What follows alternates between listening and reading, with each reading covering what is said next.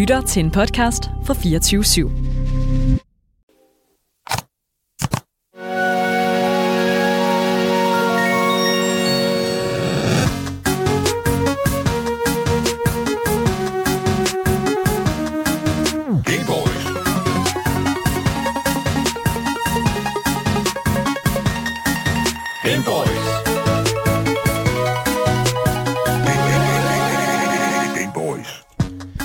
Findes utallige Souls-like-spil derude. Og det er altså en type spil, som kan fange et publikum. Og normalt så er jeg ikke det publikum. Og jeg vil også kunne holde et øh, langt Gameboys foredrag over, øh, hvorfor Souls-like-spil ikke fanger mig. Men i dag, der har jeg faktisk lidt af en overraskelse med til jer alle sammen. Fordi jeg har fundet et øh, Souls-like-spil, som jeg godt kan lide. Damn. Øh, og der er også en helt an- masse andre mennesker, som også godt kan lide det, så det er altså ikke kun mig, der sidder alene med den her mening. Øh, fordi spillet har en kæmpe stor øh, spillerbase lige nu. Ja. Fordi det spil, som vi skal anmelde i dag, det er nemlig Remnant 2. Du fik et vejenbrug. Fordi det er for, for, tak. seriøst ikke? Det er sjældent, at vi finder et Souls-like-spil her på programmet, som Asger kan sådan... Hmm. Det er aldrig sket. Det er aldrig sket. Ja, har du spillet Returnal? Mm, Jeg tror måske også Returnal? godt... Ja, Returnal. Jeg tror også godt, du vil kunne lide Returnal. Okay. Men, øh, men det er sådan en helt anden side af sagen. Øh, det, det er sådan en, en looter shooter, men der er også lidt sådan Souls-like i det. Øh, Okay, okay. Ja, ja, så... Eller ikke looter shooter, det hedder en, øh, en, en, et, et bullet hell. 3D, sådan øh, 3D bullet hell. Ja. Jeg ved lige præcis, hvad Returnal er. Det er roguelike. Det er ikke en uh, Souls-like. Roguelike. Ah, oh, fuck, ja, det er rigtigt. Det er Undskyld. overhovedet ikke Ved du en, hvad? øh, det er mig, der lavede en fejl der. Roguelike, Souls-like. It Ja, is what det er it ikke is. det samme. Det er overhovedet ikke det samme. Nej. Men et Souls-like Remnant, altså, eller Ja. Remnant 2 er et Souls-like-spil. Ja. Det synes jeg er imponerende. Fordi Ja. du kan godt lide roguelike-spil normalt. Ja, det kan jeg godt, Ja, men, men, det er ikke det. Souls-like, det er jo en, en genre, som jeg føler, jeg har prøvet at, sådan at prænge på dig i et godt stykke tid nu. Prøv at finde noget. Jeg har også selv prøvet at pranke den på mig. altså, det er jo ikke, fordi jeg ikke øh, selv prøver en gang imellem lige at, at smide et eller andet Dark Souls på, eller noget Bloodborne, Ja. eller et eller andet. Nej. Og, og jeg anmeldte også øh, et andet Souls-like-spil. Øh, jeg kan ikke engang huske, hvad det hed. Et eller andet Dynasty, Hu, Hukang Dynasty, eller noget. Agtigt. Wulong Dynasty. Wulong, ja. Ja. ja. Ja, ja, præcis. Som jeg heller ikke kunne lide. Det er rigtigt. Så øh, jeg prøver. Fuck, hvor nice. Der bliver stillet et rigtig godt spørgsmål. En, en Axel skriver i vores Twitch-chat her. Men betyder det, det er godt? Og det er altså Remnant 2. Betyder det, Ja. det er godt, at du, at du har fundet et, spil, altså et, et, et, Souls-like spil, som, som du godt kan lide? Er det nok til, at spillet er godt? Skal man løbe eller købe, Asger? Det finder vi ud af. Det finder vi ud af, ja. Ja, lige præcis.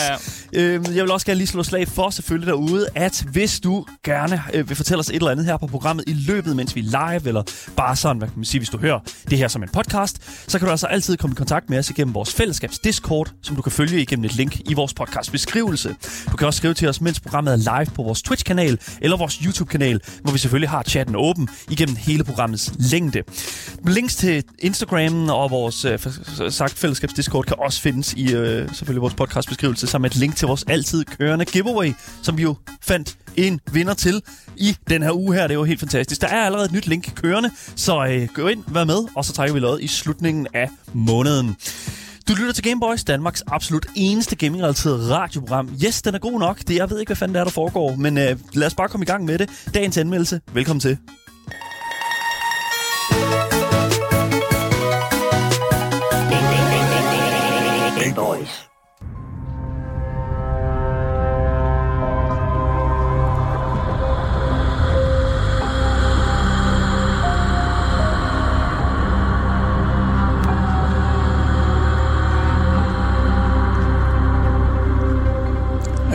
Det dystert, hva'? Gør det? Ja, Remnant 2. Ja. Det er udgivet af Gearbox Publishing, som nok mest er kendt for at udgive Borderlands-spillene, som jeg er kæmpe stor fan af. Ja, jeg kiggede lige på deres hjemmeside. Øh, de er også med til at udgive Fortnite. Det kan ikke være rigtigt. Det kan ikke være rigtigt. Det kan ikke være rigtigt. det kan ikke være rigtigt. Gearbox Nej, det- Publishing. Nej, det tror jeg ikke rigtigt på. Det, det virker Fortnite forkert. står under her. Det kan ikke være rigtigt. There's no way. Du What? Siger, øh, Det er det, Det der er står- bare en Epic Games exclusive. I guess. Jeg ved det ikke. Nej, jeg ved, de har lavet Borderlands-spillene. Og, Ja. og de har også lavet Risk of Rain 2 i hvert fald, er ret sikker på. Jeg tror også måske, de har været med til at lave etteren. Mm. Så de er i hvert fald øh, de er en stor publisher. De Ja. er det, der hedder en AAA-publisher i hvert fald. Ja, de har code-published Fortnite sammen med Epic Games. Okay, det Ja. giver lidt mere mening.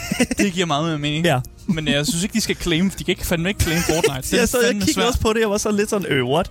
Men Ja. altså, de, de har også published We Happy Few, de har uh, published uh, Banner Saga, Subnautica. Altså, de er en publisher, som Ja. virkelig har nogle fucking bangers i deres uh, kartotek. Præcis. Og udvikleren, det er Gunfire Games. Mm. Øh, de er mest kendt for at have lavet en remaster af Darksiders 2, og så fik de også lov til at lave efterfølgeren Darksiders 3. Mm.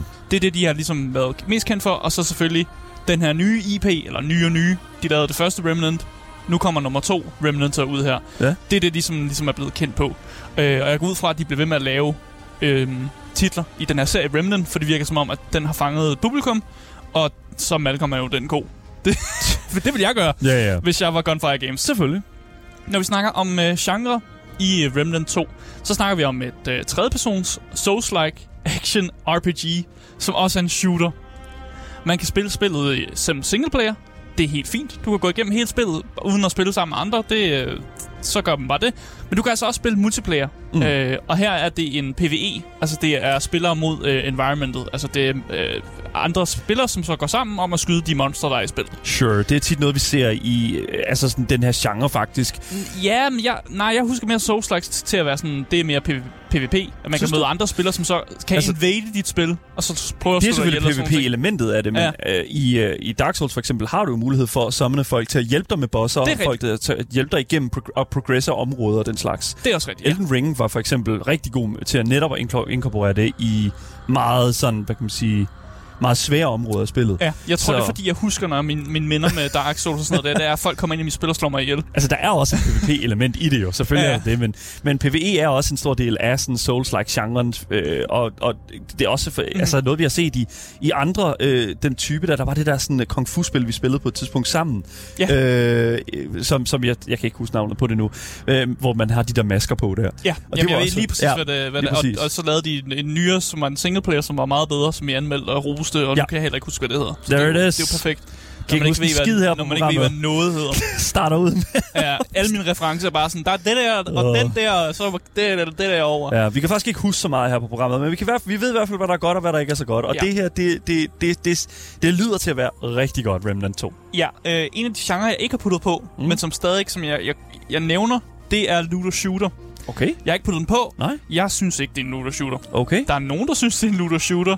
Jeg synes ikke, der er nok loot til, at det kan være en looter shooter. Derfor har jeg ikke kaldt det en looter shooter. Det synes Det jeg er en interessant pointe, altså sådan, fordi når vi siger looter shooter, så tænker vi jo straks på Borderlands, Ja. som jo også er i Gearbox's sådan, Præcis. øh, hvad hedder backlog. Og jeg, jeg synes jo, det er interessant, at man putter det på her, hvis du siger, at der ikke er så meget looting. Hvorfor tror du, den er kommet på? Altså, jeg har ikke puttet den på. Nej, nej, men øh, hvorfor tror du, at det, at det er noget, som man, man affilierer med det, Det er her? fordi, i løbet af dit eventyr, lad os kalde det det, Okay. så finder du jo loot, Ja. som så ligesom som så gør, at dine våben bliver bedre, eller du får nye våben, eller du kan opgradere ting. Hmm. Og det gør det vel i teorien til en looter-shooter, fordi du jo looter igennem den her shooter, som det er. Men, Mm. Men jeg synes bare, det er så lavpraktisk, og det er ikke så mange våben, du får smidt efter dig. Altså, det er ikke Borderlands-level-niveau, hvor du dræber en boss, Nej. og så bliver der bare smidt sådan 20 våben efter dig. Måske er en af dem en Legendary eller sådan noget der. De har ikke et rarity-system, og derfor synes jeg ikke rigtigt, det er sådan en shooter. Der er ikke sådan en rarity på de guns, der er.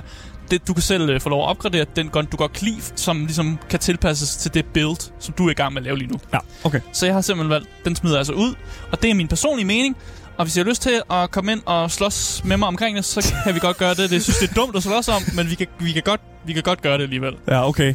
Nå, lad os gå videre til øh, platform og pris. Ja. Det her spil, det kan altså findes, øh, jeg vil sige rigtig mange steder. Alle de steder, hvor man regner med, at man kan finde sine spil. Okay, så Xbox, Playstation, Switch? Steam og Epic Games. Ikke på Switch, nej. Uh, okay. Nej, det er i... Puha, jeg tror ikke, det vil kunne køre ordentligt på en Switch. Det tror og du jeg, ikke? jeg vil ikke have lyst til at spille på en Switch, faktisk. Nej. Det vil jeg bare ikke. Hvorfor? Jeg vil, faktisk er jeg næsten tilbøjelig til ikke engang at vil spille det på en Playstation, fordi What? det er en shooter jo. Det er godt nok være, at det er en Souls-like, men det er jo primært en shooter. Nu skal vi så også lige sige, altså shooter kan, sagtens fungere Ja, det kan øh, på, på, kon- øh, på kon- øh, konsol. Øh, Call of Duty. Ja, ja, ja, ja. Og lige præcis tredjepersons shooter synes jeg godt, sådan også godt kan fungere fint nok på konsol. Og jeg har Ja. også spillet en masse shooters på konsol. Mm. Øh, jeg kunne bare godt lide at spille det her på PC, og jeg synes bare, det, der var godt flow i det, og jeg følte ikke, jeg var hæmmet øh, på nogen måde over, at det var på en PC, og ja, man sk- faktisk ikke så, så mange knapper, man skulle bruge alligevel. Så jeg, jeg, jeg havde styr på det. Men vi skal snakke om pris. Ja. Og platform selvfølgelig. Hvis du køber det på Steam, der koster det 373 kroner. Der køber jeg det, fordi jeg er en idiot. Fordi du kan få det billigere på Epic Games. Ja. Der koster det 325 kroner. Så hvis du ligesom mig ser øh, den gode, kæmpe store ba- banner og den store ad på Steam og tænker, det skal jeg anmelde. Lad være med det, Okay. fordi at på Epic, der er det lidt, øh, ikke, ikke lige så meget i forfronten, men mm. du kan få det billigere. Ja, okay. Så, så kig ind der i stedet for, er mit råd. Ja. Øh, på PlayStation 5, der kan du få det for 369 kroner, som faktisk også er billigere end på Steam. Det, men det er også fordi, Steam følger euroen, og den, Ja, ja, det er klart. Det, Så er lige, det er lige det omkring. Det, det, ja, lige præcis. På Xbox der er det dyrest. Der koster det 399 kroner. Så der vil jeg ikke anbefale, at du køber det. Nej, okay. Fordi der er det bare dyrt. Men hvis du selvfølgelig kun sidder med en Xbox, så er det jo... Ja, så er jeg ked af det. Så er det bare, så er det bare, så er det bare du- fuck dig. Nej, ikke fuck dig, men Ej, så, er okay. det, så er det bare den pris, du betaler. Ja, lige præcis. Ja, ja, det er dyre der. Fair og enough. sådan, sådan det er bare. Det er kendskærningerne. Men lad os egentlig bare øh, komme ind i, i... Ikke i kødet, men egentlig bare komme ind på, hvad går Remnant 2 egentlig ud på? Ja. Fordi i Remnant 2, eller Remnant 2, det er jo en efterfølger på det første Remnant. Okay. Jeg har ikke spillet det første Nej, Remnant. det, det, jeg, jeg, må ærligt indrømme, at den her øh, franchise her, den er meget ny for mig. Øh, jeg kender ikke noget til Remnant-universet overhovedet. Nej. Så når jeg fortæller den her historie, jeg har faktisk prøvet at, at, at, at fortælle det på min måde. Ja. Så jeg har faktisk ikke kigget på Wikipedia, eller sådan, som jeg normalt plejer at gøre, for at få sådan en, en sådan, hvordan vil de fortælle historien? Jeg har prøvet, nu prøvet, det er Askers fortolkning af historien. Og der er måske nogen, der siger, du har ikke set den her lange lore-video om, hvad der egentlig foregår. Mm. Nu prøver jeg, så godt jeg nu kan. Det er en efterfølger, øh, men det er stadig relativt nemt at følge med i historien. Okay. I den her historie, der har vi en masse multiverser, og de her øh, multiverser, de rummer jo øh, blandt andet vores univers. Altså det, vi befinder os i i Remnant, det er rigtig sådan, det, det mest universlignende, der ligner vores verden. Ja. Lad os bare kalde det det. Men vores univers, det er blevet inficeret af det, jeg beskriver som en ond plantevækst. Den hedder The Root. Og det er sådan en ond, rød plantevækst. Okay. Og vækst. det, selvfølgelig er den rød. Ja, ja, den, den gør folk sådan til sådan nogle mærkelige monstre og sådan lidt zombieagtige, mm. og sådan, de, de bliver sådan corrupted af den her root. Okay. Øh, og du spiller som den her unavngivende person, som bliver kaldt The Traveler. Jeg Okay. tænker, det er meget Souls-like-agtigt. Det- ja, ja, lige man kalder Det er ham The Traveler, The Mortal, det Ja, er et eller andet. The Ashen One, Ja, ja, uh, sådan the, ja, ja, The Undead. Ja, ja, ja. Ja, ja, meget klassisk. Man bliver Mhm. kaldt The Traveler. ja. Øh, fordi folk gider ikke at spørge, hvad fuck dit navn er. Underligt nok. Øh, men du begiver dig så ud på den rejse for at rense multiverset for den her onde plantevækst. Fordi den har været i din verden, men den har også besøgt andre verdener, den her onde plantevækst. Altså ude i multivers, altså sådan the multi multiverse? ja, eller præcis. Sådan, Der er andre verdener, som har oplevet The Root. Og altså andre planeter, eller sådan andre... Multivers. Andre verdener. Okay, andre så andre universer. realiteter. Ja. Okay, andre, fair enough. Andre Okay. sådan øh, univers. Det er det niveau, vi er på i, i sådan, øh, hvad hedder det noget, storytellings lag. Ja, Fair nok, præcis, ja. præcis. Ja, Og fordi okay. man vil jo gerne sikre sig, at The Root ikke kommer til vores verden igen. Sure. Så derfor så renser vi den også i andre verdener. Selvfølgelig, vi Det- er, vi er sådan basically bare sådan, øh, ligesom Loki i Loki-serien med The TVA. Det er faktisk det er mere end det, vi er dim- dimensionshopper. Altså, vi hopper jo igennem ja. for, forskellige dimensioner. Okay. Og det gør vi via nogle røde krystaller, som netop gør det muligt at rejse mellem forskellige verdener. Hvorfor er, al, hvorfor er alting der... Altså, det er sådan ud spiludvikling, det er bare sådan... Nå, det her, det skal være noget spændende noget. Hvad for en farve skal vi give det? Rød. Det er red. Jamen, det er fint. Man kan, se, man kan se det på kortet nemt, og man kan ligesom se, der er min savior, der er den store Ja. røde krystal, som er der, hvor jeg har min checkpoints, og der, hvor jeg saver og alt det der. Ja, okay. Så det er egentlig fint nok, Mm. at det er en rød krystal. Mm. Og den gør det selvfølgelig muligt at rejse mellem de forskellige verdener.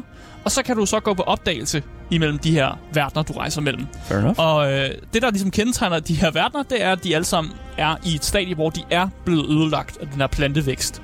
Så de er alle sammen, du ved, sådan lidt apokalypse-agtig stadie. Okay. Fordi The Root har ligesom fået lov at, at terror igennem alle de øh, monstre eller øh, personer, der befinder sig i det her univers. Alright, de er alle sammen blevet øh, rodet godt op. Ja. Ja. Og så er dit mål egentlig bare at finde, øh, når du går, så er kommet ind i den her verden, det er sådan lige at gøre sådan her, og, mm, og lige se vinden ved den vej. Lige stik læser fingeren i luften, ja. Okay, den vej er det store monster. Den skal jeg tæve. Så Okay. dit mål er at finde det største monster, som den her verden har, tæve det, og så... Øh, Ligesom i fængslet. Og så gå igen. Ligesom i fængslet. Altså, det kan vidderligt komme til, komme til en ny realitet. Ja. Find, find the biggest person, og så vidderligt assert dominance. Ja, altså din person, du spiller, The Traveler, har faktisk ikke rigtig sådan nogen idé om, hvorfor fanden det er, det er egentlig det, det, du skal gøre. Men det var, der var et stort øje, der sagde til dig, at du skulle gøre det her. Så... Så, og, og det her øje kalder sig selv lidt som sådan sådan en gud-entitet. Så jeg tænker sådan, hvis Gud kontakter dig og siger, gør det her, så... så hvorfor, uh, ja, yeah, sure. God det damn. virker som en god idé.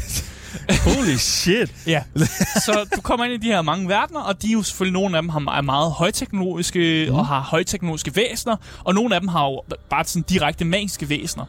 Og der er du jo bare en person, med sådan vores tids teknologi. Ja. Altså de ting, som vi har lige nu i vores verden, det er også den teknologi, som ham her, The Traveler, egentlig har. Sure. Og det vil altså sige, at vi har et godt klassisk matchup mellem sådan magi slash alien-teknologi og guns. Ja. God bless America, America. America. og Flot. alle deres guns. Det kan du godt lide. We have guns, de har magic, de har alien goo.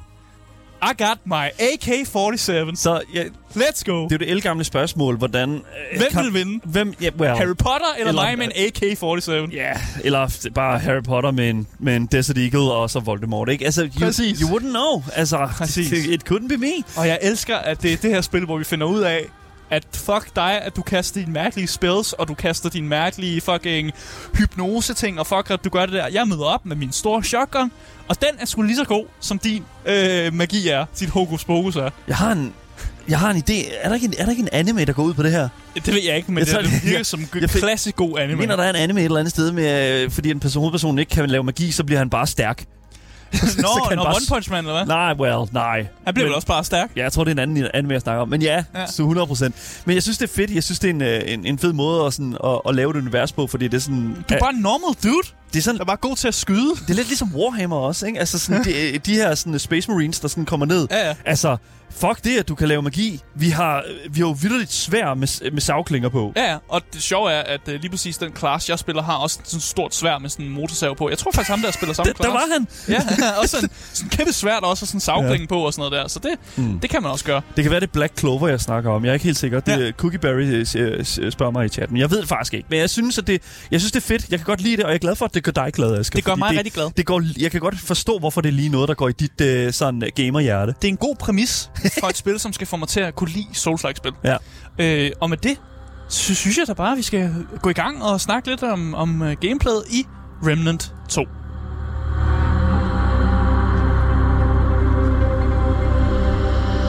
Er der noget af det, Asger? Ja, først og fremmest, øh, Souls-like med guns. Mhm. Mm-hmm. Lad os lige tage den. Ja. Jeg tror, der er nogen, der bliver lidt triggered, når man siger det. Hvorfor det? Jeg har en idé om, at, øh, der, at sådan Souls-likes purister, nu kalder jeg dem det, eller sådan, de, er the, Pu- the perf- purists, Ja, ja, det er ja. sådan perfekt Souls-like Ja. spiller, ikke? At de hader det der med, at man kan bruge range-våben, eller det der med, at man kan skyde ting og sådan noget der. Fordi det handler jo meget om det der med, at man skal, man skal være in touch med, hvornår man skal dodge, og hvornår man skal slå og sådan ting der, og sådan at finde patterns i sådan, hvordan folk kæmper. Mm. Og det sætter man jo lidt, man sætter lidt en anden dagsorden, når man giver spilleren en gun. Ja, I, ja. Man sætter Ja. i hvert fald nogle andre parametre, fordi. Ja. der er forskel på, hvilke sådan, pistoler og hvil, altså, hvilke guns du har. Altså, der er forskel på, hvordan du kæmper, når du har en shotgun, og når du kæmper, hvis du har en sniper rifle. For Mm. eksempel, allerede der har vi jo forskellige paralleller. Altså, jeg kan helt klart godt forstå, hvorfor at det, at det, at det er sådan en ting, du tænker på. Altså, når vi, nu, nu øh, bare lige for at genopfriske min egen øh, hukommelse, så er der jo en del, der, altså sådan, øh, Souls-like-spil derude, Mm. mm. som netop altså udelukkende er sådan melee-baseret, altså nærkampsvåben. Ja. The Surge, du har Neo, du har Bloodborne, selvfølgelig Dark Souls, men du har også altså sådan, for eksempel Star Wars Jedi Fallen Order. Mm. Alle de her ting, øh, alle de her spil her går ud på, at du enten har et lyssvær, eller øh, kan, kan komme ind i nogle kroppe, eller sådan et eller andet, som har nogle melee-våben. Ja. Så det at inkorporere netop i noget så... jeg, jeg ved ikke rigtig sådan... Skydevåben. noget så revolutionært til genren, Ja. ja. som et skydevåben, kan godt tørne nogle, øh, altså dreje nogle hoveder. Det kan jeg, godt forstå din Ja, pointe. og jeg vil sige, da jeg spillede, når jeg spillede det her spil igennem, mm. Så synes jeg faktisk, der er mere paralleller. Øh, netop fordi jeg jo ikke har været fan af Dark Souls. Mm. så drager jeg flere paralleller mellem sådan nogle spil som øh, Dead Space og Callisto Protocol. Som på Ja. en eller anden måde også har noget af det der med, at okay, hvis du bliver ramt en gang, så mister du fucking meget skade, og du har det helvede til, og man skal ligesom være god til at, hvordan, at consume sit, øh, sin ammu- ammunition, og hvor meget man har det og sådan noget der. Så jeg synes, der er flere paralleller mellem der, og jeg ved ikke, om der er nogen, der synes, synes at det er helt gakket, at jeg siger det. Mm. Men jeg føler bare, at mine skills... Øh, for eksempel, jeg har jo lige øh, for nogle... Øh, nu kan jeg ikke huske, hvor lang tid siden det var, jeg spillede Callisto Protocol. Men der er også anmeldt det. Ja. Jeg tænker, det er mere de skills, jeg bruger, Ja. når jeg spiller det her spil, end det er mine Dark Souls skills. Fordi dem har, har jeg ikke, fordi jeg, jeg spiller ikke Dark Souls spil. Altså, ting kan jo sagtens være et mix-match. Og Ja, præcis. Jeg føler jo meget, at de her sådan øh, gameplay-komponenter, som for eksempel med, altså øh, øh, first-person shooting, eller nu siger jeg first-person shooting. Det er en tredje persons det er en shooter. tredje shooter, det her jo. Men det, jeg mener, det er sådan, at det at inkorporere det, altså det burde jo ikke være et super svært shift Mm. i, i sådan game-feelen, eller så, og i pacing og i combat, hvis det er, at du, du sørger for, at hvad kan man sige, den modstand, du får, er øh, fra fjender og fra øh, sådan, hvad kan man sige, spillet environment, Mm. at det er inkorporeret derefter. Ja, jeg synes det er meget, det er meget passende. Okay. Sådan som, at hvis jeg møder en fjende, som øh, virker meget human-like, altså Ja. virker som et menneske ligesom mig, så er der, nogle gange så er det bare nok med et skud, Ja. sådan for din shotgun. Fordi et menneske, der får, bliver shotgun-blastet, vil også dø. Mm. Og det føler jeg egentlig er meget, meget godt incorporated, at sådan, okay ja, de, de bliver også bare blastet. Og så de store yeah. monstre, når du kæmper de store boss battles, de skal jo have lidt mere, fordi de er jo store entiteter, Ja. som nærmest er sådan guder i sig selv i deres verden. Altså, det som jeg føler er meget sådan... Det, er, der er et kendetegn... Eller sådan, det, der ligesom understreger sådan... Hvad kan man sige? Det, der, grunden til, at det her det drejer så mange hoveder, det er jo, at tit og ofte, når du inkorporerer et våben i sådan en setting, som for eksempel Remnant 2, Mm-hmm. så skal der være en form for... Øh, altså, du skal kunne udbytte det her, det her sådan, med, at det gør det lettere, at du skyder de her, alle de her fjender her med dit våben. Ikke? Mm. Fordi det der, når, i Souls-like-spil er det jo ofte det der med, at du skal up and close, og du skal slå på folk med, øh, slå de her monster med, med svær og den slags der. Mm. Og der har jeg det sådan lidt så, alright, fair enough. Det er der rigtig, rigtig meget sådan... Altså, det, hvis du kommer tæt på, så er der jo større chance for, at du bliver ramt. Ja. Så jeg tænker også et eller andet, et eller andet sted, at man er nødt til at og for eksempel limited ammo, eller at, sådan, at du, du er nødt til ligesom at tage Præcis. noget fra spilleren, for at det ikke bare bliver den der sådan fucking stå øh, op på en eller anden trappe, og så bare lade dem fucking alle monstrene funnel op igennem øh, en eller anden hallway, som du kan stå og skyde ned ad. Ja, og det gør jo også, at, at ligesom at i Dark Souls-spil, så fordi du er melee combat, så er dem, du kæmper mod også melee. Mm. Her der kan monster jo godt, øh, ja, for eksempel kaste noget goo på dig, eller sådan, de har måske en eller anden laser, eller måske har de okay. også en eller anden alien gun, som Mm. mm. de bruger til at skyde dig med. Så der er også den back and forth med, at de også godt kan skyde dig. Nogle af dem i hvert fald. Ja. Og nogle af dem er jo så lidt mere primitive. Og så bliver det nogle gange sådan lidt en funnel cake, hvor du bare funnler dem op igennem en trappe, og så plukker du dem bare, når de kommer. Ja, altså når du har et melee-only Dark Souls, så føler jeg, at... Jeg undskyld, Soul- Souls-like, som for eksempel Dark Souls, så føler jeg meget, at tempoet i combatten er meget langsomt. Mm. Og fordi at, at der simpelthen skal være mulighed for at finde rytmen i, de her, i, i det her combat her, og finde rytmen med ens våben, og hvis du er mod en boss, hvad, hvad der sådan ligesom er af, sådan, af, af ting, du ligesom kan gennemskue med deres sådan patterns. Mm. Er, det, er det noget, du ser i Remnant 2 også, at det er noget, de har taget videre, sådan at combat er sådan paced og, og langsomt, eller har de skruet op for tempoet på grund af skydevåbnet? De har helt klart skruet op for tempoet, Okay. øh, og det synes jeg er federe. Mm. Altså, jeg har mere... Ja, det er meget mere intens, og det går lidt hurtigere med combat og sådan noget der. Øh, primært fordi du dør hurtigere, eller så besejrer du fjenden hurtigere. Mm. Øh, igen, en, en ting, jeg elsker, så jeg skal ikke bruge sådan 10 minutters øh, kamp på så endelig at tabe, og så have det vildt nederen. Her er det meget sådan, øh, jeg går ind, og så fucking taber jeg, eller jeg går ind, og så vinder jeg, fordi det er min tredje gang, jeg har prøvet, og nu har jeg forstået de her patterns, som fjenden ja. kaster efter mig og sådan noget der. Fair enough, fordi det Der er lidt mere tempo på. Det, okay, og det, er og det synes jeg er rigtig, rigtig godt, fordi det er også en ting, som jeg føler, Elden Ring gjorde rigtig, rigtig meget bedre end, de, end sådan Dark Souls-spillene. Det er netop det der med sådan at... Tempo. Skru, Ja. Tempo, ikke? Fordi at jo, vi, det er også derfor, at for eksempel, at, at World of Warcraft er blevet så kedeligt, som det er. At det er simpelthen fordi, at jeg føler, at tempoet i World of Warcraft har forblevet det samme i rigtig lang tid nu. Mm. Men fordi, at, at, at man ligesom, eh, From Software for eksempel, har lavet om på den der pacing der, så er det nyt, det er friskt, og det er interessant. Mm. Og det føler jeg også et eller andet sted er rigtig fedt med Remnant 2, lyder, lyder det til, Mm. at de har at de har set, at man er simpelthen nødt til at skrue op for tempoet for at kunne følge med de der Souls-like spillere Ja. sådan uh, capabilities, eller deres evner til at, at clear en, uh, en hård af fjender. Præcis, og jeg tror også, at det netop sådan et spil som Remnant 2 faktisk kan trække rigtig mange ikke Souls-like spillere til. Ja. For eksempel som mig, Ja. som bare stumblede upon det her spil, og var sådan et, hov, det er faktisk mega fedt, og jeg kan egentlig godt lide det her, og det tager nogle af de der ting, som Souls-like gør rigtig dårligt. Mm. Det kan vi komme ind på senere, hvis det er. Ja. Øh, og så skifter dem ud med nogle ting, som jeg måske er lidt mere glad for. Ja. Og så igen, hvis du er mega glad for Dark Souls-spil, og det er dit jam, så kan du godt spille Remnant 2 og køre et uh, melee, melee build. Okay, det kan man bare- simpelthen godt bare. Ja, du smadrer ting med dit svær, eller hvad end melee-våben, du lige finder på din vej, Ja. og gør det til din ting. Det kan Okay. du sagtens, og du kan godt uh, lave dine små dodges og rulle og slå med dit svær, Oh, hvis det er det, du har lyst til. Oh, yes. Det er der ikke nogen, der stopper dig fra. Nice. Jeg kan bare godt lide at skyde med min, min store guns. Nu stiller jeg et spørgsmål, som er fuldstændig åndssvagt, og jeg, du ved nok ikke, kan nok ikke, I don't know. Måske hvor, kan jeg svare på det. Hvor sidder dodge-knappen? Du kan godt svare på det. Hvor sidder Den dodge-knappen? kød sidder på space. Okay, det er... Oh my god, yes. Okay, du spiller med mus keyboard. Okay. Ja, jeg Jeg er mus keyboard. contractually obligated til at sige, at mus keyboard er det, det, den bedste måde at spille Souls-like spil på. Det er efter min kamp med Nå. Paul i, i Elden Ring. Uh, normalt så spiller jeg med controller, men, uh, men uh, apparently så er mus og keyboard også uh, altså viable. Jeg vil hellere spille det her med mus-keeperen, end jeg vil spille med controller. Det er klart, hvis du spiller det som Ja. en shooter. Ja, præcis. Hvis Men- jeg nu var rigtig melee-build, så ville jeg måske slutte min controller til, faktisk. Okay. Det, øh, yeah. Men det synes Ja, jeg jo er sure. interessant. eller andet. Jamen, det synes jeg er interessant jo. Fordi at jeg føler jo meget sådan, at at det er sådan, det er, det er simpelthen efter, hvad for en playstyle du har. Ja. Hvad, for, hvad du plukker ind i din computer. ja.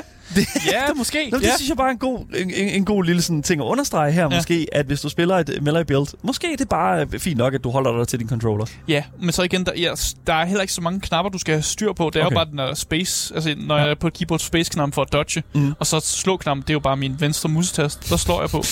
og det er jo kun, når jeg sigter, at jeg så skyder med mit våben. Ja, det er klart. det er den der dualitet mellem, det man godt kan have et skyd på den samme knap, Ja. som slå. Bare når man sigter, så øh, skyder man med sit våben, og når man ikke sigter, så slår man med sit store svær. Så kan jeg Det næsten, er med det, man har. jeg kan næsten forstå, at der ikke er en hoppeknap.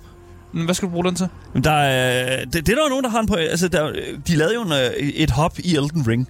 Øh, man, der er ikke brug for en hoppeknap i det spil, faktisk. Og hvis du står og skal hoppe over en øh, afsats, Mm. så laver du bare dit dodge, og så trigger den sådan en hoppe. Ah, det er ligesom i Dark Souls. Yes, okay, fair enough. Ja, ja præcis. Super. Så Okay. den, sådan, og det, det er meget lige til, faktisk. Mm. Jeg, har- der har ikke været nogen tidspunkter, hvor jeg ved et uheld er rullet ud over kanten, fordi jeg vil hoppe. Det- det er ikke sket. Det, det er forholdet, nu kæft. Ja, mand. det er ikke sket endnu. Det sker ofte i, i Dark Souls, føler Men det, det er ikke sket her. Okay, godt nok. Øh, jeg ved ikke, hvor, hvordan det kan være, om den har en eller anden, og den holder mig fra at gøre det, eller sådan noget der, men det, det er aldrig sket i hvert fald. Sådan handholding. Måske er jeg bare ikke idiot. Det kan, jeg, ved, jeg ved det ikke. Jeg, jeg ved det ikke. Wow! Ej, det, det er bare ikke sket. Damn, dude. Øh, men ja, lad mig... Bare lige for at komme ud af den. Lad mig, øh, lad mig snakke om de ting, som øh, tiltrækker mig Ja. til Remnant 2. Uh, okay. Øh, jeg synes, at Remnant er meget mere tilgivende, end når jeg har sat mig ned og spillet øh, Dark Souls-spil. Okay. Det der med, at når jeg dør i Dark Souls-spil, så mister man ofte sine souls, eller man mister noget Dine ekstra. re- level up ressourcer. Ja, man mister ja. et eller andet. Mm. Det gør du sgu ikke i Remnant. Mm. Du får lov at beholde dit loot, du får lov at beholde dit XP, så det vil sige, når du dør, så har du... Altså, den progress, du lavede med XP og dit loot, den får lov at beholde. Okay. Øh, selvfølgelig, du rører tilbage til checkpoint, og når du så skal frem til der, hvor du var, så er fjenderne selvfølgelig kommet tilbage. Ja. Det synes jeg er fair nok. Okay. At det skal ikke være for nemt jo. at det er fjenderne bare er væk. Men jeg kan godt mærke nogle gange, at, øh, at det er som om, at der, der er en eller anden random generator et eller andet sted, som gør, at når jeg har været igennem et område, og jeg har skudt nogle af fjenderne ned, så kommer der ikke lige så mange anden gang. Så jeg tror, der er en eller anden... Og nogle gange så gør der. Altså, det er virkelig sådan en... Øh, der sidder sådan en, det er en roulette, der kører, og hvor mange fjender jeg møder på min vej. Okay. Og jeg kan ikke helt finde ud af, jeg har ikke helt regnet ud, hvordan helt det fungerer, men nogle gange så bliver man igennem området, og så er fjenderne lidt væk. Mm. Og det er måske fordi, man, man har været der før, man har skudt fjenderne, og så, så er de der ikke, når man kommer tilbage. Og nogle gange så er de bare alle sammen kommet tilbage, og nogle gange kommer der en lille miniboss ind fra højre af, som er sådan, okay, den, det var også, jeg tror også, det er en generator, der, har, der spawner den. Det er faktisk en super interessant øh, sådan, øh, det, altså det er super interessant game design det her, fordi at jeg føler faktisk, at det er noget Dark Souls godt kunne lære lidt af. Mm. Fordi det er fucking irriterende at skulle møve sig igennem, speci- og det var det her, det er specielt slemt i Sekiro. Mm. føler jeg. Helt, spe- helt specifikt Sekiro. Fordi jeg føler vidderligt, at at selvom at du har meget mere traversal, eller meget, mere, meget bedre mulighed for ligesom at komme igennem og hoppe op på tage og sådan den slags der, så er der stadigvæk sådan nogle roadblocked, altså er til sådan, hvor der er sådan, at du bare skal igennem nogle steder, mm. øh, hvor der bare fucking er øh, u- uendelige mængder af, af, af, jeg, af fjender. Jeg synes, at det er en super smart måde, og et eller andet sted at gøre det til ikke en fucking chore mm. at skulle backtrack eller skulle tilbage til, eller undskyld, ja, jo, backtrack er det vel en eller anden sta- sta- slags. Ja, Øhm, og så kan man, fedt. de har placeret de der checkpoints rimelig godt. Altså, Mm. det, det, jeg føler altid, at jeg kan ligesom teleportere dertil, jeg gerne vil hen. Okay. Og jeg føler, at den backtracking, jeg laver, det er, det er fordi, jeg gerne vil backtrack, eller fordi jeg gerne vil klare en eller anden quest, eller ja. Ja. jeg gerne vil finde et eller andet item, eller sådan noget der. Så jeg har faktisk ikke nogen problem med den måde, det, den, det fungerer på. Og så en anden ting, som jeg er så glad for. Mm. Menuerne og skilltreet er bare så dejligt simpelt. Really? Jeg føler, jeg, det sidste jeg spillede det der uh, Fallen Dynasty, der var der sådan, der var sådan 10 ting, man kunne putte uh, sådan point ind i, Ja. ja. og så får man procentvis af et eller andet, og de, oh, de magic gør sådan, og du har mere, og, sådan, og bla bla bla. Ja. Jeg hader, der er så mange fucking ting, og det er altid sådan lidt en lille procentdel, der gør et eller andet. Her, der starter du, når du starter spillet ud, så er der sådan fire ting, du kan putte skill points i. Okay. Og t- en af dem, det er dit liv, ja. Og den anden er dit stamina. Ja. Bum. Og de to andre, det er sådan, øh, hvor meget øh, dine special skills, sådan, re- hvor hurtigt de recharger, og hvor meget de giver skade, basically. Mm. Det er de fire ting, du får. Altså, Og så putter spillet Ja. lidt mere på, efter jo okay. Mere du kommer igennem, og hvad for build du kører og sådan noget der. Ja, fordi jeg, jeg skulle lige, lige til at spørge sådan, i forhold til sådan builds og den slags, altså i, i Dark Souls er det jo netop sådan, at du sætter dine øh, soul points i, altså sådan, i, i de forskellige sådan, o- områder, som du føler, at dit build ligesom øh, skal, Mm. skal hen, ikke? Altså sådan, øh, du, ligesom på den vej, du gerne vil hen. Så hvis du vil spille strength med en lille smule faith eller en lille smule magic. Yes, jeg forstår ikke, hvad de ting betyder. Det betyder ikke rigtig noget i Remnant. Okay, yes. Der er ikke Fate. Hvad fanden er det? Jamen, det, ja, det er jo bare sådan en type af, hvis du vil være en lille smule paladin med light magic, øh, eller men, vil du køre øh, sorcery. Der findes ikke magi i den her verden. Okay. Jeg forstår ikke, hvad det Nej, betyder. nej, Øh, okay. Jeg havde, jeg havde skulle bare finde ud af, om jeg skulle placere nogle point i øh, lidt mere liv eller lidt mere stamina. Det var sådan lidt det vigtigste. Men du siger, der er fire ting. Ja, så kan du gøre sådan, hvor dine skills recharger hurtigere, mm. Eller øh, at de giver mere skade, tror jeg, det var. Men jeg, se, jeg kan det- da se det noget, jeg kan da se, at, du, at den her karakter, du spiller her, han kan lave sådan en stomp, ja. hvor der sådan kommer en shockwave frem. Er Yes. det, ikke, det, er ikke, det er ikke magi? Det er da ikke magi. Det er ikke magi? Nej, han har bare et stort stomp. Han er for bare rigtig god til at trampe. Ja, ja. Der er også en, der har sådan en hund, man kan sådan tælle frem. Det er også... Det, det er storm, det er, bare, det er ikke magi, det er bare et stort storm. Okay, fair enough. Det er bare et stort det er en stomp. ability, ja, ja. Ja, det er en ability, for helvede. Selvfølgelig. Ja. Ja, ja men, og, og, det er også rigtigt nok, og det er jo og det, det, det, det er fair nok. Men altså, Ja. ja. okay, jeg så synes det er også, ikke magi. Ja. Nej, det er det ikke. Nej. Og netop derfor synes jeg også, at de forskellige builds er rigtig nemme at forstå. Mm, Mm, mm. mm. Altså, der har manden, han har en hund. Det giver mening. Han har en eller anden companion, han kan sende afsted. Ja. Så har vi den, det build, der bare hedder Medic. Super let at forstå. Medic. Det er Sky Heals. Den Ja. her fyr, det er ham, du har med, når du har brug for healing. Mm. Det var også ham, der poppede ind i mit spil, da jeg satte den til multiplayer. Ja. Der kom der en medic ind. Mega nice. Fyr. Mega, fed. mega fed fyr, fordi jeg var jeg kørte øh, det build, der hed Challenger, ja. Som var sådan en tank build. Ja. Så han stod bare og healede mig, og jeg kunne bare få lov at øh, gå amok med min shotgun tæt på fjenden. Så det, det var mega nice, at der er det build. Ja. Øh, så er der også bare sådan et øh, sniper build, som er sådan et long gun build-agtigt. Se, jeg har aldrig rigtig forstået, hvorfor at man inkorporerer et sniper build i sådan et spil som det her. Det er perfekt. Jamen det... Er det, det Så kan du have, du kan have to, øh, du, når du er en gruppe på tre, så har du en tank, du har måske en healer, Ja, og så har du din nok, sniper, ja. der står fucking op på et tag eller selvfølgelig. Sted, Men hvorfor vil, du spille, hvorfor vil du spille solo med det? Ja, det er fedt. Det er ikke. det Men, er- du, men altså, igen, du kan, du, kan nå, du kan nå at skyde fjenderne, inden de overhovedet opdager dig. Og der er nogle øh, items og nogle ja. skills, der gør, at du giver mere skade på fjender, der ikke har opdaget dig. Så kan Ah. du decideret skyde nogle fjender, før de opdager, opgiver dig, og den måde komme lettere igennem terrænet. Jamen det er også det, når, det er bare, når jeg kigger på det level design, vi ser på for eksempel lige nu, så er det jo ikke for, altså det er så nogle lidt tætte quarters, der er ikke meget sådan, der er ikke lange sådan distancer, og jeg tænker ligesom, Jamen, nu du kigger du, du kigger også på den første verden. Okay, Der er jo forskellige verdener. ja, ja, ja, så, så det her, det er den verden, jeg har kaldt uh, Resident Evil-verden. fordi Okay. den ligner noget for et Resident Evil-spil-agtigt. Ja, okay. Noget i den du er i hvert fald. Mm. Øh, jeg vil sige, jeg lavede mit build øh, efter, at jeg forsøgte at være en Doomslayer. Så jeg var en stor tank, jeg havde min shotgun, og Ja. min, id- min idé med mit build var, at jeg skulle bare hele tiden sådan være i bevægelse, og bare sådan skyde rundt. Jeg Ah. dodgede ikke helt så meget, fordi jeg var altid i bevægelse alligevel, Ah. øh, og jeg var rigtig tung. Jeg havde rigtig meget armor på. Altså, jeg havde det tungeste. Jeg var rigtig encumbered og øh, var rigtig tung og kostede meget stamina at rulle med og sådan noget der. Okay, er der, er der forskellige hastigheder på de her rull her, du laver? Fordi Dark Souls... Yes, der det har sådan, de. De har okay. det der med, jo mere armor du har på, jo langsommere er du i dit rull, og jo Ja. langsommere er du, ligesom når du bevæger dig rundt. Og Okay, det koster super. mere stamina og sprint og sådan noget der. Alright. Øh, jeg kørte jo det heavy man build, så jeg var bare tung. Big, Øh, big man. Og det var fint nok. Jeg tog Ja. mindre skade. Mm. Så jeg var en rigtig god tank, når ham der Medicken kom ind, og han kunne bruge mig som sådan en kæmpe stor kødskjold. Ja. Fordi det var jeg rigtig god til at være. Men øh, jeg var ret glad for det build faktisk, og det fungerede godt i solo, og det fungerede også helt fint, når man spillede sammen med andre. Øh, var i hvert fald min erfaring. Ja. Øh, jeg har ikke oplevet, at det ikke fungerede. Jeg gad godt at vide, hvordan din oplevelse havde været, hvis det er sådan, du har valgt enten... Altså, hvis du, hvis jeg du var har faktisk spillet, tæt på at tage sniperen. du var tæt på at sætte sniper, Ja, men, men jeg kunne godt tænke mig at også have fundet ud af, hvad sådan, at spille solo som medicen, om, om det havde været lige så altså sådan viable. Jeg tror, alle... I min forståelse af det er, at alle de her forskellige øh, builds, og de forskellige sådan, archetypes, du vælger i starten, Mm. de fungerer også fint i solo. Så når du er medic, så healer du også bare dig selv bedre, Mm. og sådan noget der. Så jeg tror, det er lige så viable, som hvis du er sammen med folk. Øh, jeg tror ikke, det er sådan, at det er en hæmning. Øh, for jeg tror, de har, de har tænkt meget over, at det skulle kunne fungere på begge måder. Ja. Så øh, det tror jeg sgu ikke. Jeg tror sagtens, du kan køre solo. Hvor, øh, hvor, nu stiller jeg sådan lidt et teknisk spørgsmål. Hvor meget fylder det her spil her egentlig? Fordi... Øh, Åh oh, nej, du må ikke spørge. Nej, mig. jeg nej, kan ikke huske det, du kan ikke faktisk. huske det? Okay, nej, jeg fair kan ikke huske, hvor mange gigabyte. okay, Jeg har lyst til at sige 67. du siger 67. Det er mit gæt. Det er dit gæt. Det er mit estimerede gæt. Ja, jeg tror ikke, og Steam har fortæller det ikke engang Nej. endnu, tror jeg. Men Nej. altså det...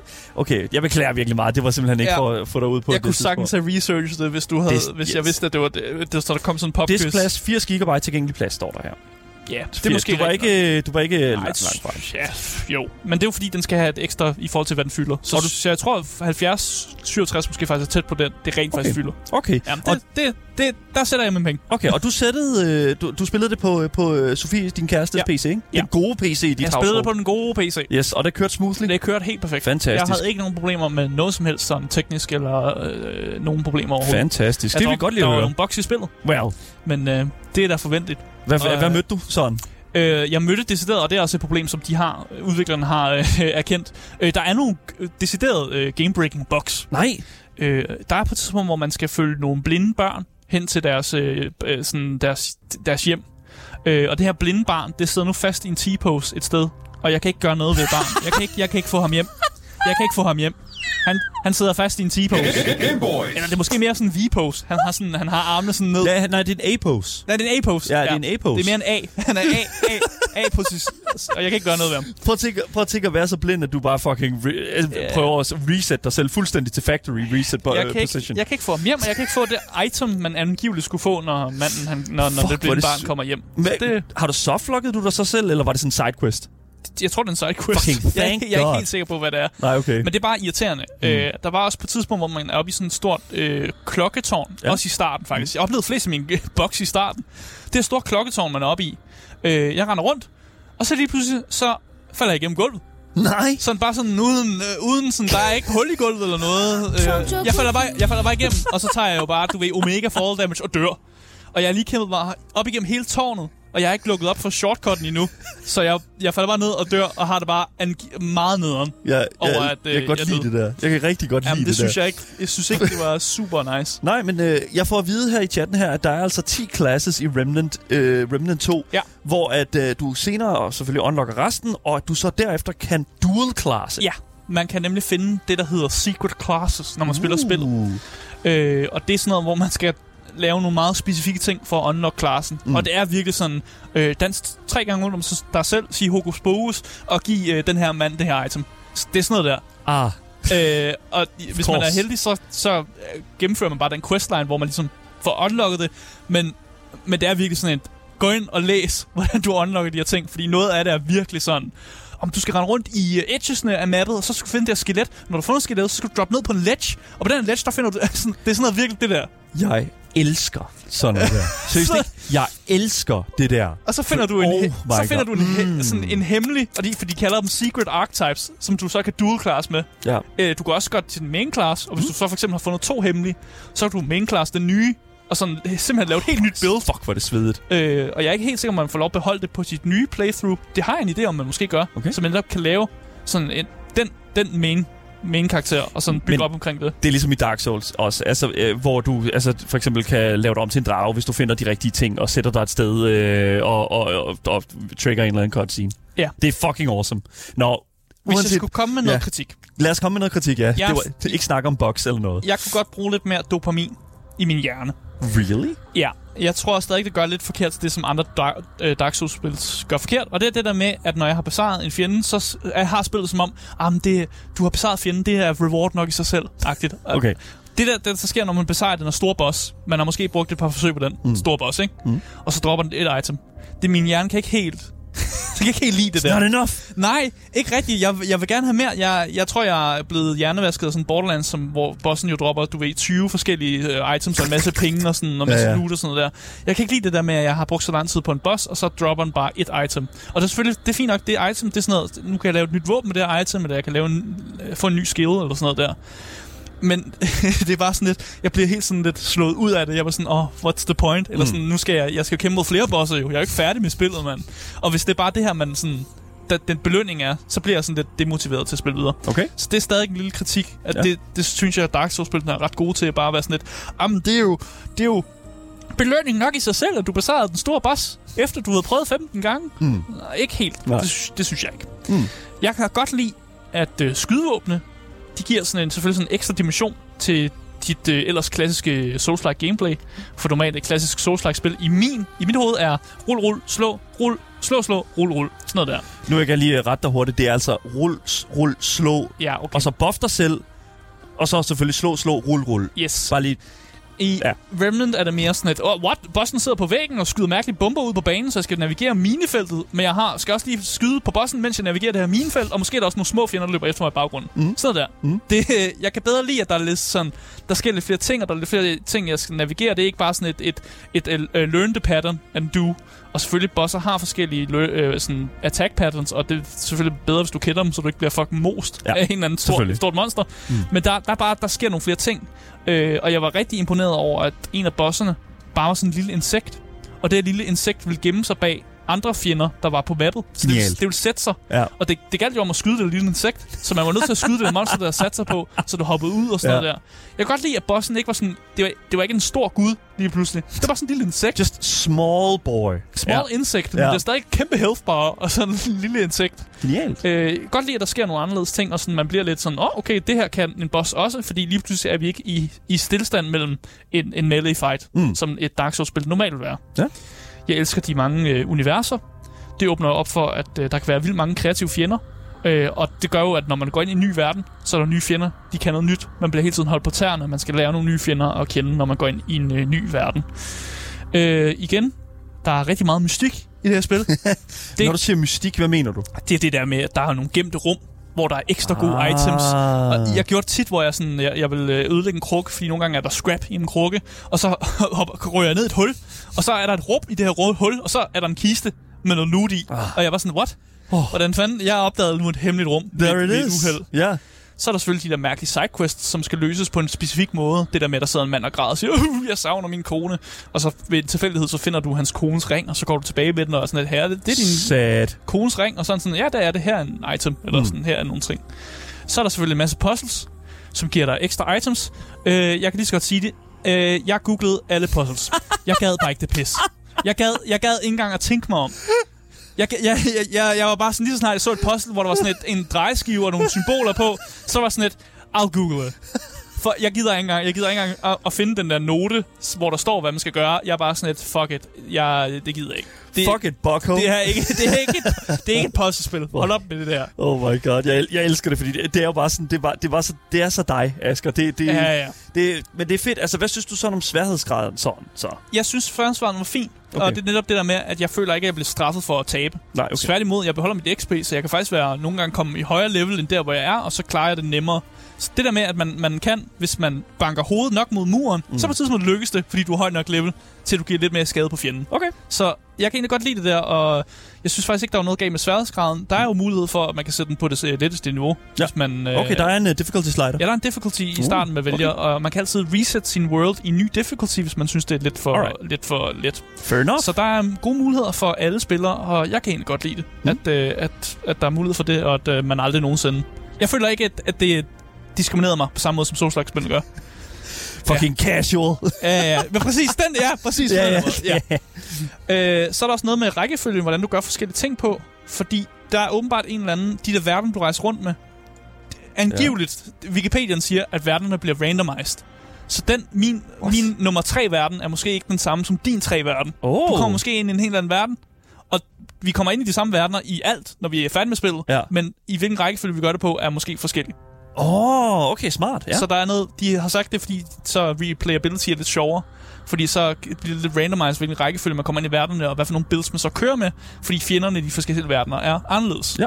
Og man bruger ligesom andre metoder for at ligesom gøre, gøre ja, buk med dem.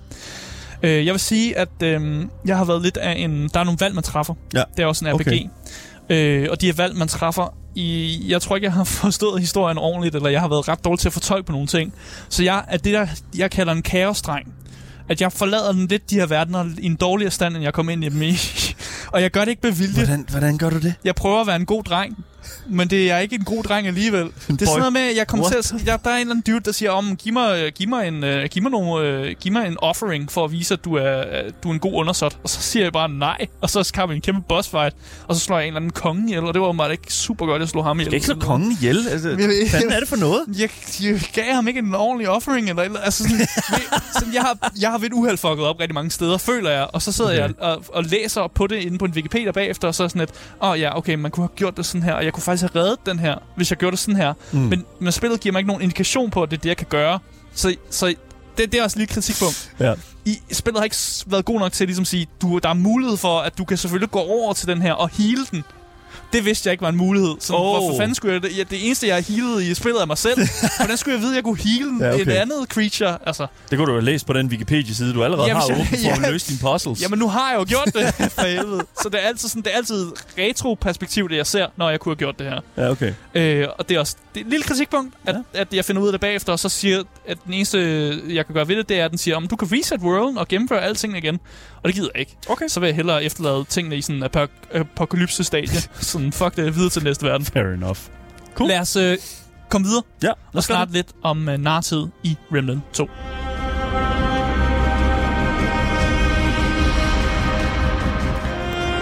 Der er nogle øh, kæmpe plusser og nogle kæmpe minuser Mm. i nartid i Remnant 2.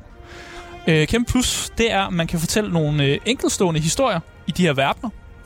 Øh, og så kan man jo finde ud af, kan man lide de historier, kan man ikke lide de historier. Øh, og hvis man ikke kan lide dem, så kommer man videre til den næste verden jo. Okay. Altså, så er de ikke længere, end at det er lige sådan, okay, det var lidt nederen, videre til den næste verden. Der er måske en bedre historie, der venter der. Ja. Øh, jeg bliver dog ret forvirret over, hvad tingene betyder i det store hele. det er det, Altså fra verden til verden. det er fordi, der er jo den, jeg er jo en multidimensional hopper, ja. så der skal være et stort narrativ om, hvad, hvad, hvorfor jeg gør det her. Ja, det er klart. Og jeg kan godt se narrativet i de små verdener, om at åh, den her verden, det er sådan en, tra- det er sådan en forest world, hvor der er sådan to entiteter, der er sådan gudagtigt, der slås mod Mm. mm. hinanden og bla, bla, bla. Men hvad er min rolle? Hvad, hvad, hvad betyder det, at jeg slår de her guder ihjel sådan, og forlader verden? Hvad, hvad, hvad gør det af forskel? Og jeg ved godt, der er det her store øje, der på fortæller dig, at det er det, du skal gøre og sådan noget der. Men mm. man er stadig sådan lidt... Jeg, føl, jeg har lidt svært ved at forstå det, det hele store... Det kæmpe store sådan, Så narrativ. Den, ja, lige- the main, the, the main narrative. Ja, ja. Jeg kan godt forstå de små historier der, og det synes jeg egentlig er også de fedeste ting i spillet, det er de her små historier. Øh, side, ikke sidehistorier, for det er det jo ikke. Verdenshistorie. Ja. Ej, jeg ved ikke, hvad man skal kalde det. Jamen, det er svært at jeg, fordi jeg forstår godt, hvad du mener. Ja. Men det, som jeg også synes, der er interessant ved netop, øh, sådan som forklarer det her, det er jo også, at, at, at man skal virkelig have hovedet med sig for ligesom at kunne, kunne forstå, hvor det er, at historien får dig hen. Ja. Normalt i, i Man Souls skal se en eller anden lore-video på YouTube. Jamen, det er det, og det er det, jeg skulle lige til at sige. Normalt i Souls-like-spil, der er det jo tit sådan, at, at i hvert fald i Dark Souls og øh, alt From Software laver, det er, at der er alt det, der ligger bagved, og alle de der historier, der er foregået for inden. Ja. Og måske hvis det er sådan, du har spillet Remnant Net, vil du måske have et, et, et bedre, Nej, en bedre idé. jeg tror det ikke. Nej. Jeg tror det ikke, fordi min forståelse af det er, at det ikke rigtig på samme måde. Jeg tror ikke, jeg ved ikke, om man er en multidimensional hopper i Remnant 1 også. Nej. Jeg ved det ikke. Jeg men tror det bare, være, man... forstår The Root bedre. The Root. Nej, men det er ikke, fordi jeg ikke forstår det root. Okay. det er det der mærkelige øje, der... Jeg, der, er nogle der er nogle ting, jeg ikke forstår. Okay, men det, det er fair nok. Ja. Øh, noget, som er tydeligt, og det er jo de forskellige verdener, de drager jo inspiration fra andre spil, eller andre sådan popkultur-ting. Mm. Og det synes jeg bare er omega sejt. Ja. Som sagt, den første verden, som vi har set lidt gameplay af i dag, det er sådan lidt Resident Evil. Der er ild over det hele, Ja. og der er sådan nogle villagers, der råber, get out of here, og så øh, kaster de deres hørtyve efter dig. Mm. Sådan noget der-agtigt. Ja. Og så er der nogle verdener, som er sådan øh, mere sådan rumvæsenagtige lignende verden. Nu kigger vi for eksempel på noget af det her, som er sådan meget sådan, der, det er sådan lidt en, en planet. Så ja, det ligner sådan noget outer space. Ja, og så ja. kan du finde sådan nogle rumskibe eller gamle bygninger. Det er ikke helt, hvad det er. Og så i den her gamle bygning er der noget højteknologisk teknologi, men der er også den her sådan vækst af sådan alien æg. Så det bliver sådan meget sådan alien-agtig verden. Damn, sådan lidt Ridley Scott-agtigt. Ja, s- s- xenomorph, eller sådan Ja, ja, næsten... Jeg, var, jeg er lige ved at sige scorn, men det er ikke, der er ikke nok kød. Der er ikke nok kød, og der er ikke nok øh, knoglevæg. Nej, men okay. det er henad der, Ja, okay. at de her verdener også kan være. Og det Mm. synes jeg egentlig er ret sejt, at hver verden ligesom kan noget nyt, og der er noget forskelligt, og der er en ny lore, og der, er, der foregår nogle nye ting. Og du kommer altid ind i verden, når den er sådan... Den er lidt gået under. Det er, det er Hvor det er skidt. allerværst. Ja, det er lidt skidt Ja. ja. i den her verden. Ja. Og det synes jeg er meget interessant, at det ligesom er det, det, er det, det du altid kommer ind i de her verdener. Og nogle gange så er folk sådan lidt, hvor, hvor, for, hvorfor kommer du nu? så, vi, det, verden er ved at gå under, mand. Det her monster har allerede terroriseret os alle sammen, og nu er du her for at bekæmpe det. Ja. Og man er bare sådan, ja, ja, det, jeg er, jeg er for at slå den ihjel, og så går jeg igen. Ja, okay. Øhm, jeg er også... Øh, jeg bliver hele tiden øh, interesseret i det der med, når man er i en verden, så er man sådan, at okay, det var meget fed, den her verden. Hvad bliver den næste? Ja. Og jeg kan godt lide det der med, at der, man, ligesom, der er en forventning om, at der er noget, der, er- der, er noget, der er lige så fedt derude. Mm. Og det er en rigtig god måde at gøre tingene på, og det er en rigtig måde at holde det helt frisk på, så det ikke bliver den samme verden og den samme ensformige historie. Så jeg tror, det er, rigtig godt, det er et rigtig godt øh, narrativmæssigt måde at gøre det på i Remnant. Mm. Og det skal de skulle have en øh, hatten af for det. Tak for det. Very good. En ting, som jeg også tænker, du er rigtig glad for, det er, at meget af den her historie, den er usagt, Ja. og at man sagtens kan stykke det hele sammen, uden at snakke med de NPC'er, der er, øh, eller læse de efterladte noter.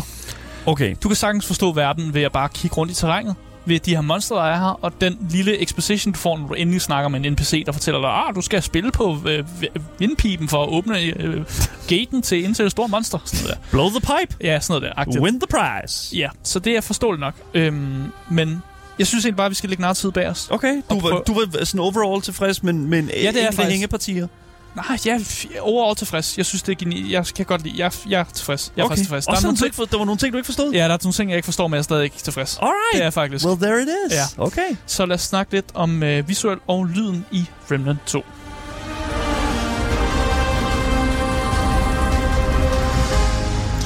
Lydmæssigt, så kan jeg godt mærke, at der har været fokus på ambience lyd. Øh, der er ikke så meget, der spiller, når du går rundt i de her verdener, musikagtigt. Det er mere sådan en... Øh, det er angstprovokerende. Det, det er angstprovokerende. Ja, Ja, vi kan lige få fordi- lidt real lyd her. Sådan, Det- øh, man sætter sig ned ved sådan et, øh, et bonfire, vil jeg Det næsten basically, det er de der Ja. røde krystaller her. Ja, ja, lige præcis. Men det er meget ambience, og så lydene fra de monstre, eller lydene fra det terræn, de ligesom er i. Ja, Ja, det kan man den her store her, dør, der åbner og sådan Ja. noget. Ja, ja. Og det er lidt angst. Det er sådan angstig. Altså, det her det er jo totalt sådan Callisto Protocol eller, eller Dead, der er Dead Space. Ja. Sådan noget. Ja, præcis. Og lige præcis den her verden eller planet, det er Ja. også sådan lidt i den dur. Okay. Øhm, bosserne har selvfølgelig deres battlemusik, men jeg synes faktisk ikke, at det er på samme niveau af sådan episkhed, som for eksempel Final Fantasy eller øh, hvad, andet Souls-like-spil. Mm. Altså Dark Souls Dark eller Souls, Ring Fighters. Jeg ja. synes faktisk, der mangler lidt Mm. i de der episke fights. Jeg kunne godt bruge lidt mere. Jeg kunne godt bruge mit skrigekor. Little bit more holy. Ja. Ja. Ja. Øh, voice acting er fint nok. Mm. Det er ikke, der er ikke nogen, der vinder en Oscar, men det er heller ikke dårligt. Altså, det er ikke dårligt. der er de steder bare ikke nogen øh, voice actor, der vinder en Oscar. Sådan er det jo. Nej, og så visu- visuelt så brillerer spillet jo. Fordi det er jo det der med de forskellige verdener, mm. og alting ser lidt forskelligt ud. De har alle sammen den der tristhed, men de gør det på forskellige, forskellige måder. Mm. Der er den her skovverden for eksempel, der har den her blodmåne, som jo gør, at det hele bliver farvet lidt rød, Uh. rød selvom der er de her gråzoner. Ja. Og så har vi den her meget alien-verden, hvor der har det her, de her meget sådan gasset sådan, og baggrunden også og sådan noget der. Så der er sådan lidt om, det er alt sammen øh, trist og sort, men noget er lidt forskelligt. Jo, der har vi faktisk en, den her øh, blodrøde planet mm. med Mhm. den her plantevækst og sådan noget der, Ja. som også er vildt interessant. Så jeg, Ja. kan, jeg kan godt lide, hvad man har gjort Det med er visuelt. et virkelig, virkelig flot spil, Remnant 2. Ja, det er virkelig, det. virkelig flot. Og jeg er øh, super glad for, at det, de har gjort med visuelt. Så ja. visuelt, der får det altså topkarakter. Lydmæssigt, der kunne jeg godt, Det halter lidt. jeg kunne godt bruge lidt mere. Ja. Øh, jeg har brug for lidt mere sådan... Lad os bare sige, vi har hørt ja. Det samme nummer igennem hele den her anmeldelse her. Ja, det, er, li- det, det er god sådan baggrundsmusik, fordi det er menumusik, ja. Og, og det, det, jeg tror ikke, det, jeg føler ikke, at det har været super forstyrrende. Men Nej. jeg synes faktisk, der, der, altså, der kunne godt lige have været lidt vildere soundtrack. Ja, det kunne du godt. Men Ja. igen, ambience er også okay. Mm. Altså, den, den gør det, den skal, og det er får mig til at føle som om, at jeg har det ikke super fedt. øh, Fair enough. Det, det skal. Øh, Ja. Men lad os finde ud af, om det er tid til at løbe eller købe, når det kommer til Remnant 2.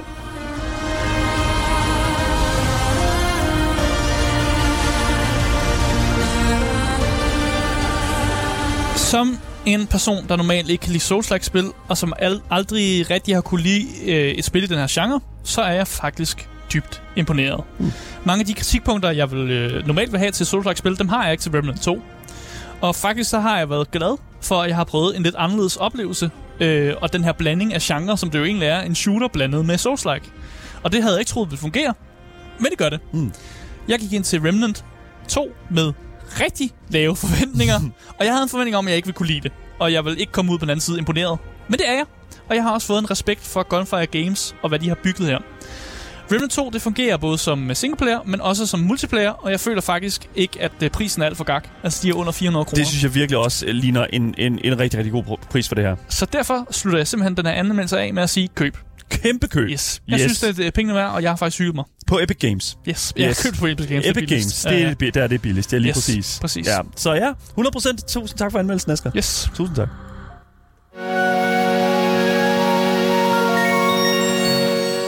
Det var alt, hvad vi havde på programmet for i dag. Tusind tak, fordi I har lyttet med. Jeg vil være gerne lige slå et uh, slag for vores altid kørende giveaway, og så selvfølgelig også, hvis du missede dagens program i live-format, så kan du altid høre det selvfølgelig som en podcast alle de steder, hvor du normalt finder dine podcasts. Jeg vil også gerne sige, at du skal huske at følge vores Instagram og vores fællesskabs Discord. Mit navn er Daniel Mølhøj, og med mig studiet har jeg haft Asger Bukke. Yes, yes. Vi ses. Hej hej.